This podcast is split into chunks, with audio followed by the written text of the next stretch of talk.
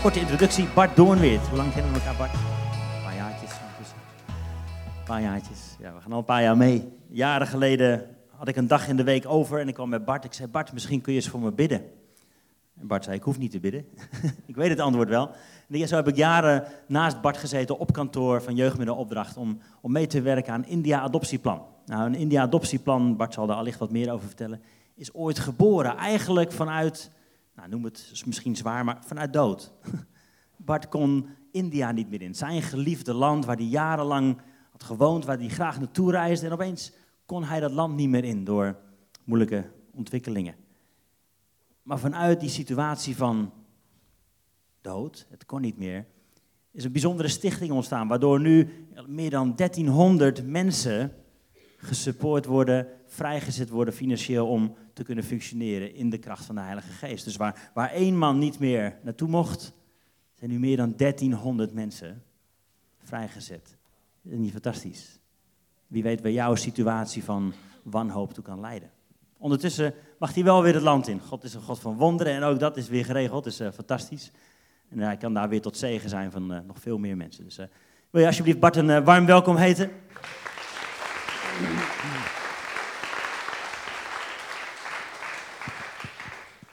Dank je, Oscar. Ja.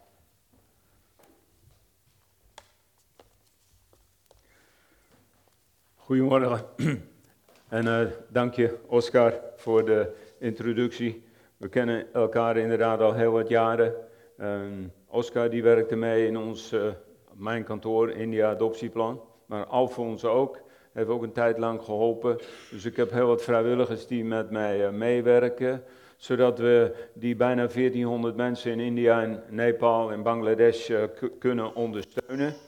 Um, in mijn kantoor zijn heel veel foto's aan één, één band van uh, honderden mensen waar we mee verbonden zijn, die het evangelie verkondigen op allerlei verschillende manieren in, in die landen.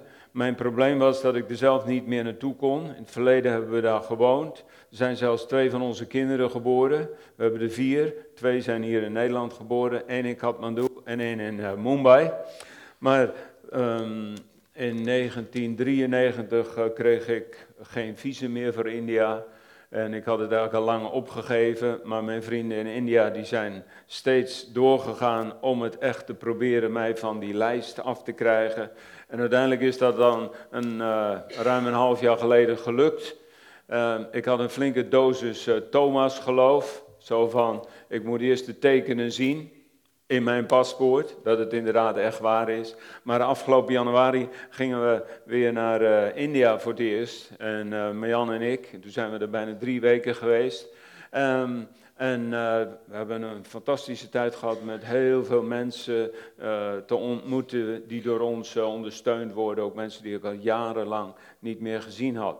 En plotseling een paar weken geleden deed zich weer een gelegenheid voor om naar India te gaan. Um, doordat een andere reis niet doorging en kon ik plotseling tien dagen naar India. En, een week, en toen ben ik alleen geweest, dus ik ben uh, net terug. Een week geleden was ik nog in Chennai, in het zuiden. En waren we op weg naar een, een, naar een dienst ergens waar ik mocht spreken. Ik zat achter op de motor bij een van mijn vrienden, Suresh. En na een uur kwamen we op de plaats van bestemming. Um, dus ik kom uit het warme India. Anderhalve dag geleden teruggekomen uit uh, Chennai. En ik heb twee seminars mogen geven. En heel veel mensen ontmoet. Er kwam geen eind aan. Maar nu ben ik weer in Nederland. En vandaag uh, zijn we hier in de kei. En ik mag hier uh, iets, iets, vertellen. Um, en dat gaat over de, de geloofshelden. En ik ga vanmorgen naar een van de geloofshelden kijken. Um, in de beperkte tijd die we hebben. Maar ik wilde toch ook nog iets illustreren, omdat ik hoorde dat er ook wat kinderen zijn. Uh, maar een hele goede les door het uh, volgende filmpje wat we nu uh, te zien krijgen. Dus we gaan even naar kijken en daar heeft mijn verhaal van deze morgen ook mee te maken.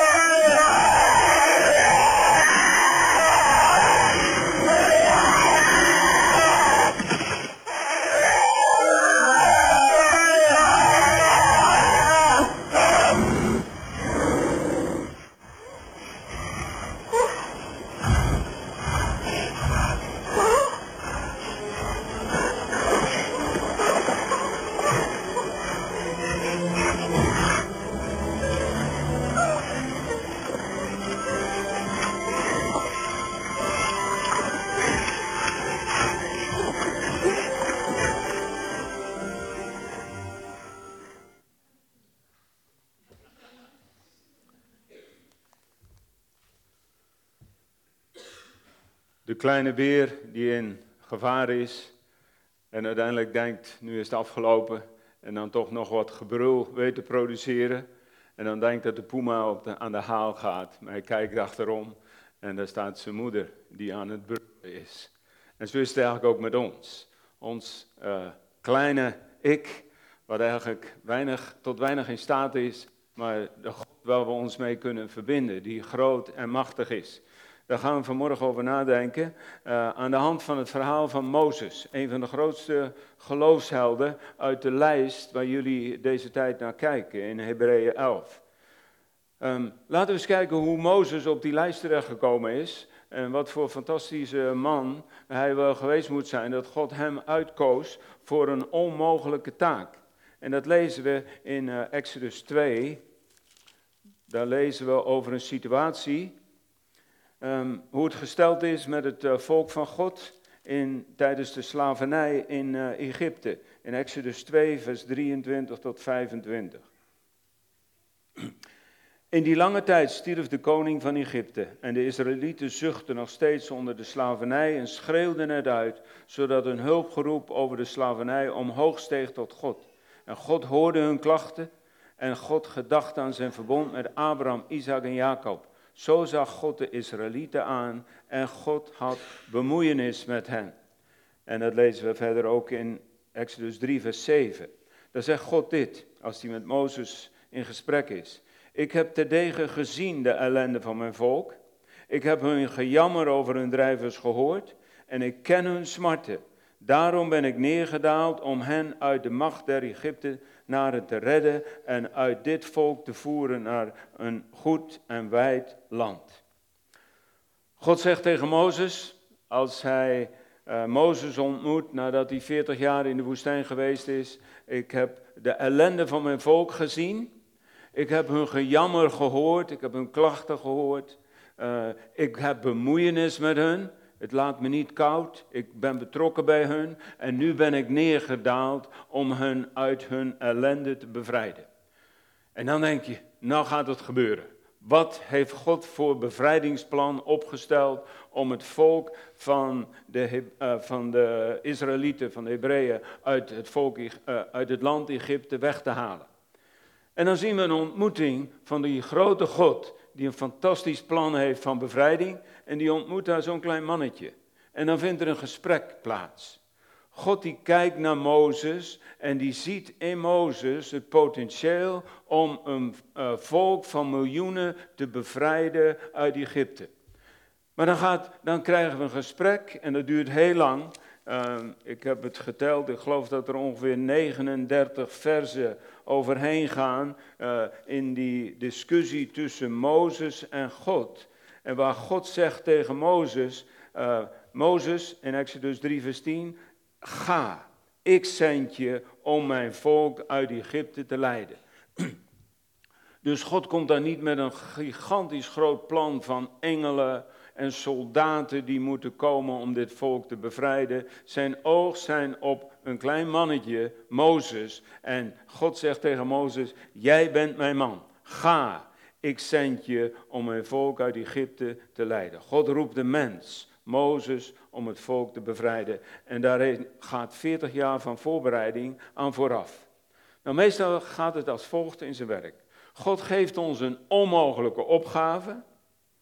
Wij komen met al onze bezwaren, waarom die bij ons aan het verkeerde adres is, waarom wij dat, niet, uh, uh, waarom wij dat nooit zouden kunnen doen. En dan laat Hij ons zien waar het echt om draait en hoe die uh, bevrijdingsoperatie in zijn werk zou moeten gaan. Um, en waar het eigenlijk om draait, lezen we in Exodus 3, vers 12. Gods plan is om het samen met ons te doen. Dat hij ons niet maar zo voor de leeuwen gooit en zegt, nou dit is de opdracht, je red je er maar mee. Maar Gods bedoeling is dat hij zegt, ik ben immers met je. We gaan het samen doen. Jij plus die grote God is in staat om deze taak te volbrengen. Maar Mozes, die was daar nog lang niet aan toe.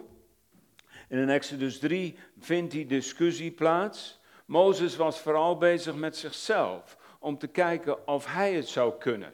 En die was eigenlijk uit het oog verloren dat die grote God, dat die met hem mee wil gaan om het door hem heen te volbrengen. En in Exodus 3, uh, vers 1 tot Exodus uh, 4, vers 17, daar lezen we 39 uh, versen van uh, en discussie tussen de mens Mozes en de grote almachtige God. En dan lezen we eerst hoe Mozes er tegenaan kijkt. In uh, Exodus 3, vers 11. Nadat God gezegd heeft, Mozes, ga, dit is de opdracht. En Mozes die protesteerde aan alle kanten. Maar Mozes zeide tot God, wie ben ik dat ik naar Farao zou gaan en de Israëlieten uit Egypte zou leiden? Uh, wie ben ik dat ik dat zou doen? In vers 13 uh, daar zegt hij, daarop zeide Mozes tot God, maar wanneer ik tot de Israëlieten kom en hun zeg, de God van jullie vader heeft mij tot u gezonden, en als ze mij dan vragen, hoe is dan zijn naam, wat moet ik hun dan zeggen? Uh, Mozes zegt, ja, uh, wie ben ik? Wie bent u eigenlijk? Ik ben zelf niet in staat om te doen, maar ik weet eigenlijk ook niet wie u bent als mijn God. En in hoofdstuk 4, vers 1 dan zegt hij, toen antwoordde Mozes, maar als zij mij niet geloven en niet naar mij luisteren, maar zeggen, de Heer is niet aan u verschenen, wat moet ik dan doen? Uh, dus Mozes die blijft zeggen, uh, ik ben zelf niet in staat, ik weet niet wie u bent en ik ben eigenlijk bang voor de uh, reactie van het volk. Als die zeggen, wie ben jij eigenlijk dat jij door God gezonden zou zijn? En, in, uh, en, als de discussie verder gaat, dan lees je in hoofdstuk 4, vers 10. Toen zeide Mozes tot de Heer: Ach, Heer, ik ben geen man van het woord. Hij haalt echt alles uit de kast om er onderuit te komen. Uh, en uh, hier zegt hij: Ik kan niet goed praten. Dus hij heeft een hele lijst van excuses waarom God eigenlijk aan het verkeerde adres is bij hem. En in vers 13 nog een keer: Maar, maar hij zeide: Och, Heer, zend toch iemand anders. Dan komt eigenlijk de aap uit de mouw, zegt hij, ik zie het gewoon niet zitten. God zag hem wel zitten, maar Mozes die had totaal uh, geen idee dat hij tot deze taak in staat zou zijn. De woorden die uit zijn mond komen, ik heb uh, zojuist ik heb de gelezen, uh, ik heb de versen gelezen, dat zijn deze twee woorden, maar en och. Maar, maar, och, och. God, komt naar ons toe hij ziet de bekwaamheid, het potentiële in ons, maar wij proberen er van af te komen, want wij kijken vooral naar onszelf. En uh, uh, de woorden waar het op neerkomt zijn de woorden maar en och. Ik zeg wel eens, we, zitten maar te maren en te ochen en God kan ons met geen mogelijkheid in beweging krijgen. En nu de andere kant. Dit is de, de, de menselijke kant die eigenlijk kortzichtig is en vergeten is om te kijken hoe groot God is en waar God gezegd heeft, ik ga immers met je mee. En dit is wat God zegt um, in die hele discussie. In vers 20, um, ehm, Exodus 3, vers 20. Maar ik zal mijn hand uitstrekken en de Egyptenaren slaan met alle wondertekenen die ik in hun midden zal doen. Daarna zal hij u laten gaan. En ik zal bewerken dat de Egyptenaren dit volk gunstig gezind zijn. Hier zegt God, uh, ik zal. Ik zal, ik zal mijn hand uitstrekken. Ik zal wonderen doen. Ik zal het bewerken. En in Exodus 4, vers 15 ook opnieuw. Ik zal met uw mond zijn, uh, Mozes. Ik zal je leren. Dus tegenover het maren en ochen van Mozes uh, geeft God aan hoe het echt in elkaar zit. En dat is dat God zegt, ik zal, ik zal, ik zal. Mozes, het gaat er helemaal niet om of jij denkt of je wel in staat bent om het te doen. Of je wel in staat bent, uh, of je wel denkt dat jij het potentieel hebt om deze opdracht uh, uit te voeren. dus hier, ten opzichte de menselijke kant, maar, maar en och, och staat het goddelijke grote ik zal, ik zal, ik zal. En God die zelf zegt tegen Mozes, ik ga met je mee. Dit is de roeping van Mozes, een van de grootste geloofshelden. Uh, terwijl hij in beweging kwam, want uiteindelijk gaat hij uh, dan toch maar, nadat God gezegd heeft, nou dan stuur ik je broer met je mee en dan gaan jullie naar Farao. En dan ga je zeggen, laat mijn volk gaan. Dat is de eerste roeping van Mozes. Aarzelend komt Mozes op gang. Dan ontmoet hij de farao, die vervolgens zegt, ik zal niet. En we hebben hier het grote ik zal van God, maar we hebben hier ook het ik, ik zal niet van de tegenstander. Um, dan komt de beweging in de zaak, maar nog niet echt succesvol. Want de eerste uh, poging die mislukt, de druk wordt alleen maar groter. En dan krijgen we een tweede roeping van Mozes. En daar lees je over in Exodus 5, vers 2. Uh, eh, Exodus 5, uh, vanaf vers 2, daar lezen we dat ze voor Farao staan. En dat Farao de druk alleen maar laat toenemen. Het kan zijn dat we wel in beweging gekomen zijn. En dat we toch gezegd hebben, kijk wel, het werkt toch niet. Gelukkig is er bij God altijd een mogelijkheid voor een tweede roeping. En die tweede roeping die vindt plaats in Exodus 5 vers 22 tot Exodus 6 vers uh, eh, 12. En dan komt Mozes met de klacht, dan zegt hij tegen God, u heeft het volk niet gered. Het werkt niet. En dan opnieuw uh, zegt God, dat is waar, maar je komt er niet onderuit. Ik wil jou gebruiken in deze reddingsoperatie.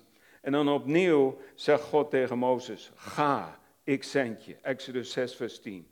En God zegt hier opnieuw hetzelfde, wat hij steeds weer herhaalt: Ik zal, ik zal, ik zal. Hij doet er nog een schepje bovenop. In de eerste roeping zei hij vijf keer: Ik zal. In deze tweede roeping zegt hij zes keer: Ik zal. En dan begint Mozes en we lezen over de uittocht uit Egypte. Dit is een van de grootste helden die uh, genoemd wordt in Hebreeën 11. Mozes, die een volk uitleidde.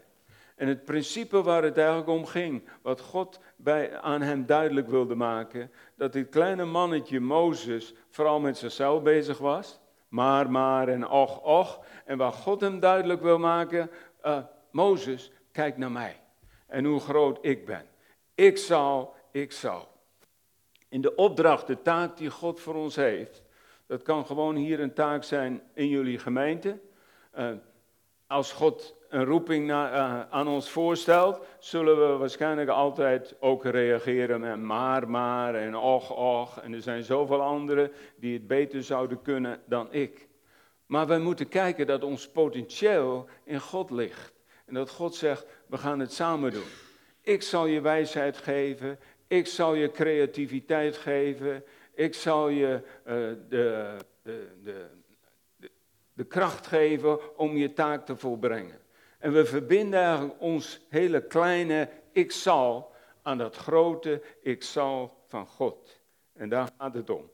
En nu eindigen we met het verhaal uit Johannes 20, wat Oscar zojuist al gelezen heeft. Want hier staan zitten ook een stel toekomstige helden die door God geroepen zijn. Ze hebben de beste Bijbelschool gehad die er ooit hier op deze planeet heeft uh, plaatsgevonden. Dat was drie jaar Bijbelschool uh, met als directeur uh, Jezus Christus zelf, de Heer Jezus.